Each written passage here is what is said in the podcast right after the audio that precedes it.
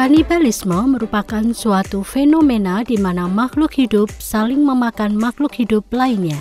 Kasus ini terjadi apabila di saat tertentu sedang kekurangan bahan makanan.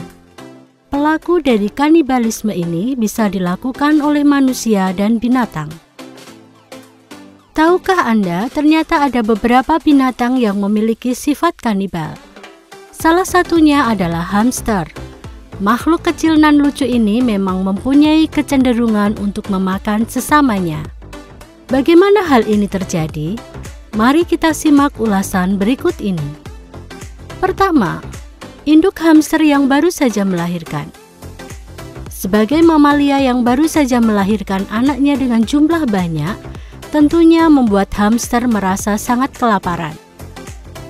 Jika bahan makanannya habis atau makanan yang diberikan kurang bernutrisi, hamster akan memilih untuk memakan beberapa anaknya sampai perutnya merasa kenyang. Faktor lainnya bisa saja karena induk dari hamster ini baru pertama kali melahirkan dan belum memiliki pengalaman dalam menyusui anaknya.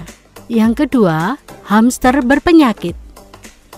Tidak hanya manusia saja yang terkena flu, Hamster pun juga dapat diserang penyakit ini. Hal ini dikarenakan karena suhu yang kering dan tempat yang mungkin tidak cocok untuk si hamster. Sebenarnya, hamster berpenyakit ini justru malah dihindari oleh teman-temannya. Tetapi karena mungkin dirasa dapat menularkan penyakit, maka ada beberapa hamster yang dengan sengaja memakan temannya yang sedang sakit itu loh pemirsa. Untuk faktor yang terakhir, perkelahian antar hamster.